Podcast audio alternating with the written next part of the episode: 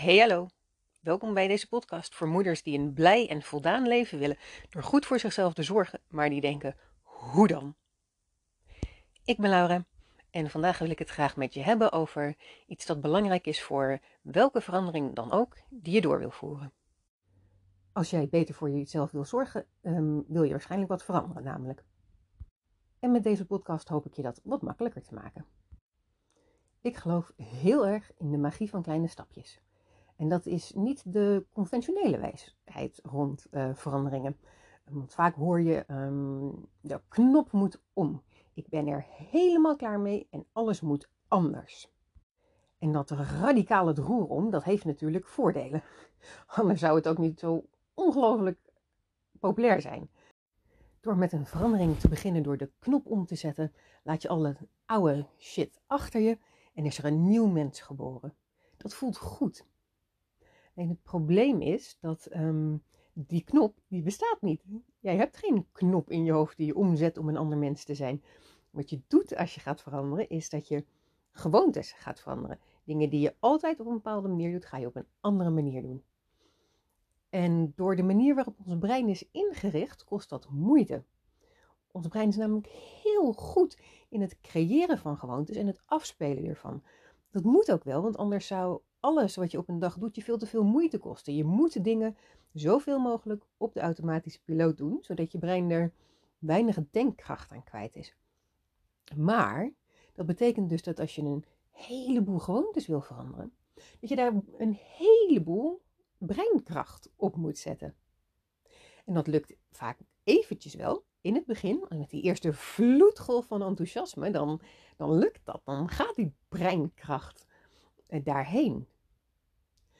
Maar dat is niet een, een situatie die je kunt volhouden. Dus blijft die grote verandering in het overgrote deel van de gevallen niet hangen. En ik denk zomaar dat je dat wel kent. Denk maar eens terug aan de laatste keer dat je iets wilde veranderen in je leven. Wat deed je toen? En hoe werkte dat voor jou? Goed, misschien uh, heb je een verandering doorgemaakt die um, niet op die manier werkte. Ik um, hoor bijvoorbeeld dat uh, stoppen met um, te veel alcohol drinken, dat het niet op die manier werkt. Je moet daar. Wacht even hoor, het klinkt ingewikkeld hè. Dus stoppen met alcohol uh, is juist wel een van die dingen waar je radicaal de knop om schijnt te moeten zetten. Je kunt niet maar een klein beetje drinken en daarmee van een alcoholprobleem afkomen. Daarom is het denk ik ook zo lastig. En misschien zijn daar nog wel meer voorbeelden van, maar ik denk dat de verandering die jij voor het laatst hebt geprobeerd, dat, dat, daar heel wel, dat het heel wel mogelijk is dat dat niet op die manier werkt. Je begon er groot en enthousiast aan. Na een aantal weken, misschien maanden, um, was het, bleek het niet, um, hoe heet dat, duurzaam. Het was niet duurzaam. Daarom um, wil ik graag pleiten voor een andere manier van verandering. Namelijk met stapjes die zo klein zijn dat je denkt, nou, dit kan ik echt wel hoor. Uh, dus bijvoorbeeld als het gaat om gezond eten, dat je niet met jezelf afspreekt. Ik ga alleen nog maar vegetarische maaltijden eten met volkoren granen en helemaal niks meer tussendoor. Maar dat je als eerste stapje met jezelf afspreekt. Elke ochtend eet ik een stukje fruit bij mijn ontbijt. En dan denk je misschien, ja Laura, dat is leuk. Elke ochtend een stukje uh, fruit bij mijn ontbijt. Nou, dat kan ik echt wel hoor. En dan zeg ik, jee, mooi doen. Dan zeg jij wellicht, ja, maar dat zet dus geen zoden aan de deek. Want dan eet ik ochtends een stukje fruit. En dat is, mm, wellicht brengt dat meer fruit in mijn dag. Maar de rest van de dag eet ik nog steeds frietjes en chips. Of op een of andere manier meer of ongezonder dan ik wil. Zo komen we er niet. En dat is waar. Nou, het is niet waar. ik denk dat je er zo wel komt en dat het de enige manier is om er te komen. Maar dat gevoel, dat is natuurlijk heel um, ja, natuurlijk. En daarom is het denk ik handig om um, bij, als je een plan maakt voor je verandering, om dit in te bouwen in het begin uh, van wat je gaat doen accepteren dat je geen snelle vooruitgang gaat zien. Ja, goed. Dan ben je een, een eh, deprimerende boodschap, hè? Je gaat van alles veranderen en dan moet je accepteren dat je daar in, ieder geval in het begin niks van gaat zien. Ehm, en daarom ehm, wil ik hem graag wat uitbreiden. Want ehm, je, je gaat wel wat zien, je gaat wat merken. Alleen dat moet je op gaan merken. Het begint denk ik wel met accepteren dat dit is hoe verandering werkt. Met geloven dat grote veranderingen in het overgrote deel van de tijd geen echte veranderingen zijn. En dat als je dus echt wilt veranderen, dat je dat langzaam gaat doen. En wat dat doet, wat geloven dat echte verandering langzame verandering is, doet, is dat het hopelijk um, je ruimte geeft om trots te zijn op jezelf, om blij te zijn met de veranderingen die je doorvoert, ook al heb je nog niet het eindresultaat bereikt dat je voor ogen hebt. En dat geloof, dat kun je ondersteunen. Ehm, op een aantal manieren. Bijvoorbeeld, wat ontzettend helpt, wat een hele belangrijke voorspeller is van succes van veranderingen, is kleine succesjes vieren. Als je een plan gaat maken voor je verandering, zorg dan dat er een manier in zit om die succesjes te zien en om ze te vieren. Uh, bijvoorbeeld, ik heb uh, dit jaar het doel om 1000 kilometer te wandelen. En um, dat doe ik in kleine stapjes, namelijk elke dag een wandelingetje. En elke keer dat ik een wandelingetje ga maken, zet ik een app aan, de Strava-app.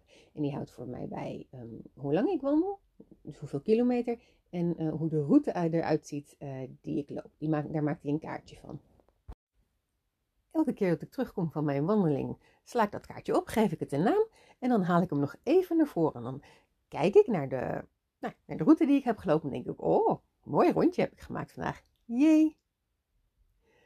Klinkt misschien onnozel, maar het is elke keer weer een kleine bevestiging aan mijn brein. Oh ja, je bent goed bezig.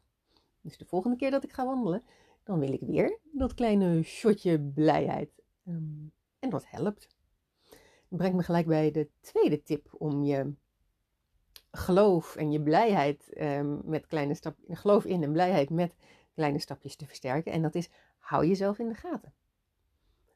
Um, zoals ik bijvoorbeeld doe met die uh, Strava-app die administreert mijn wandelingetjes voor mij. Niet alleen heb ik na de wandeling een kaartje waar ik even een klein vreugdedansje bij kan doen, maar hij, hij, houdt ook voor me bij.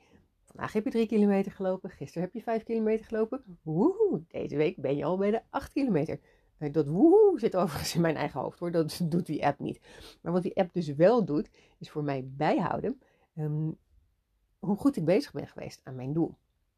En dat is een andere belangrijke voorspeller van succes dat je goed let op wat je aan het doen bent in die verandering. Ehm, en dat is ook belangrijk als het uh, ook nuttig als het niet om successen gaat. Dus als je, nou, als ik niet mijn wandelingen doe, dan, dan geeft hij dus 0 kilometer aan. En dat is ook nuttige informatie. Want als ik dat zie, dan word ik er weer aan herinnerd. Oh ja, ik, um, nou ja, ik, ik, mag mijn plan blijkbaar aanpassen om te zorgen dat die 0 kilometer um, verdwijnt. Of, oh, ik, even gisteren heb ik 0 kilometer gelopen. Als ik op mijn gemiddelde van 3 kilometer per dag wil blijven, dan moet ik vandaag 6 lopen. Of de komende twee dagen er 3,5. Nou, een bepaald aantal kilometer, waardoor ik gemiddeld weer op die 3 per dag zit. Um, jezelf in de gaten houden is nuttig. En dat, dat kan dan eh, bijvoorbeeld met een app zijn. En als je denkt aan veranderingen met eten, is het natuurlijk heel bekend om je van die apps waarin je uh, calorieën bijhoudt. Um, dat kan je doen. Maar je kan, ook als het je niet om de calorieën gaat, kun je die apps natuurlijk gebruiken om gewoon een overzicht te hebben van wat je eet op een dag. Maar het, hoeft helemaal niet met een app. Hè. Je kunt het ook bijhouden in een schriftje. Of um, ik heb wel eens een tip langs zien komen van maak foto's van alles wat je eet. Hoe je het doet is eigenlijk niet belangrijk. Wat belangrijk is, is dat je je stapjes bijhoudt. En dat je regelmatig tijd reserveert om eh, te kijken naar wat je hebt bijgehouden. Zodat je je successen kunt vieren en zodat je kunt ja, leren van wat er gebeurd is met je stapjes. Naast dat je jezelf in de gaten houdt, is het ook heel nuttig om um, iemand anders te hebben die je in de gaten houdt. Ehm, dat kan letterlijk in de gaten houden zijn. Bijvoorbeeld een personal trainer die um, elke keer dat je komt trainen opschrijft wat je aan het doen bent. Maar het kan ook veel um, informeler en wellicht minder streng dan dat. bijvoorbeeld, ik deel mijn Strava-kaartjes vaak met mijn vader. maak ik een, een schermafdruk van mijn route en dan heb ik mijn vader, dit heb ik vandaag gelopen. Ehm, en, naast dat dat gewoon leuk is, het is een leuke manier voor mij om, om, om dagelijks even contact te hebben met mijn vader, ehm, is het ook weer een extra stimulans. Oh, hij ziet dat ik loop, dat helpt. Op dezelfde manier kan het ehm, bijvoorbeeld helpen om in een Facebookgroep te gaan zitten met mensen die iets aan het doen zijn wat jij ook wil doen. En daar uh, ervaringen uit te wisselen met mensen. Het gaat dus er niet eens per se zozeer om dat uh, ze je echt letterlijk in de gaten houden. maar dat er in jouw omgeving steun is voor de verandering die je aan het doormaken bent. En dat je dat kunt delen met je omgeving. Dat helpt. En tenslotte, de laatste tip die ik je wil geven in deze aflevering is om um, je doelen op een bepaalde manier te stellen. De manier waarop we heel vaak doelen stellen kan namelijk in de weg zitten van blij zijn met de kleine stapjes die we nemen. Bijvoorbeeld met dat wandelen van mij. Een doel dat ik daarmee zou kunnen stellen is: ik wil een betere conditie. En die kan ik dan op een of andere manier bedenken hoe ik dat meet. Bijvoorbeeld dat ik minder snel buiten adem ben of zo. En dan is mijn doel dat ik um, niet meer buiten adem ben na een uur lopen, maar dat ik, na, dat ik wel twee uur kan lopen zonder buiten adem te raken. Het probleem is dan dat je dus niet um, blij kunt zijn totdat je minder snel buiten adem raakt. En één wandelingetje gaat daar niet merkbaar een verschil in maken. Dus dan is het lastig om blij te zijn met dat ene wandelingetje. Daarom helpt het om niet een soort resultaatdoel te stellen. Dus het gaat niet over het uiteindelijke resultaat dat dit wandeling mij gaat brengen, maar om een procesdoel te stellen. En dat klinkt misschien een beetje technisch, eh, maar wat ik bedoel is dat je ehm, het doorlopen van het proces, dus het doen van iets, tot je doel maakt.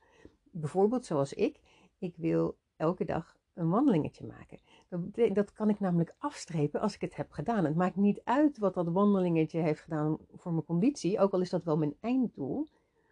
Eh, maar ik heb het wandelingetje gedaan, dus heb ik mijn procesdoel gehaald, dus kan ik blij zijn daarmee. En dat is ook waarom dat stukje fruit uh, bij het ontbijt, wat ik aan het uh, eerder in de podcast noemde als voorbeeld, een goed doel is. Um, je gaat niet per se iets merken in je gezondheid of je conditie of in je risico voor ziektes later in je leven, doordat je elke ochtend een stukje fruit eet. Maar wat je wel gaat merken is dat je het gedaan hebt. En dat kun je vieren en daar kun je blij mee zijn. En het gaat natuurlijk wel bijdragen aan je gezondheid als uh, je meer fruit eet. Maar je kunt blijer, het is makkelijker om blij te zijn met je kleine stapjes. Als je die groot, dat grote eindresultaat niet als doel neemt, maar het kleine stapje van een stukje fruit eten. Oké, daarmee zijn we aan het eind van wat ik je in deze aflevering wilde vertellen over het accepteren van de magie van kleine stapjes. Misschien nog even samenvatten. Um, echte verandering is langzame verandering. En de eerste stap om het jezelf makkelijker te maken om te veranderen is om dat te geloven. En wat je daarbij kan helpen is om kleine succesjes te vieren. Om jezelf in de gaten te houden. Om in je omgeving te regelen dat er iemand of een manier is um, om je in de gaten te houden of je stapjes te delen. En tot slot helpt het om een doel te stellen dat gaat over een proces, over iets doen, in plaats van het langetermijn eindresultaat dat je uiteindelijk voor ogen hebt. En denk je nou, hmm, ik heb een verandering en daar zou ik die kleine stapjes wel eens op willen uitproberen. En heb je zin om het plan daarvoor niet in je eentje te maken, maar met uh, behulp van iemand, dan help ik je daar heel graag bij. Ik ben leefstijlcoach en ik kan je met goed gemikte vragen helpen om dat plan zo goed en efficiënt mogelijk te maken. Om te zorgen dat het je brengt waar je echt wilt zijn. En om te zorgen dat het stapjes bevat die je niet alleen gaat nemen, maar die je ook volhoudt.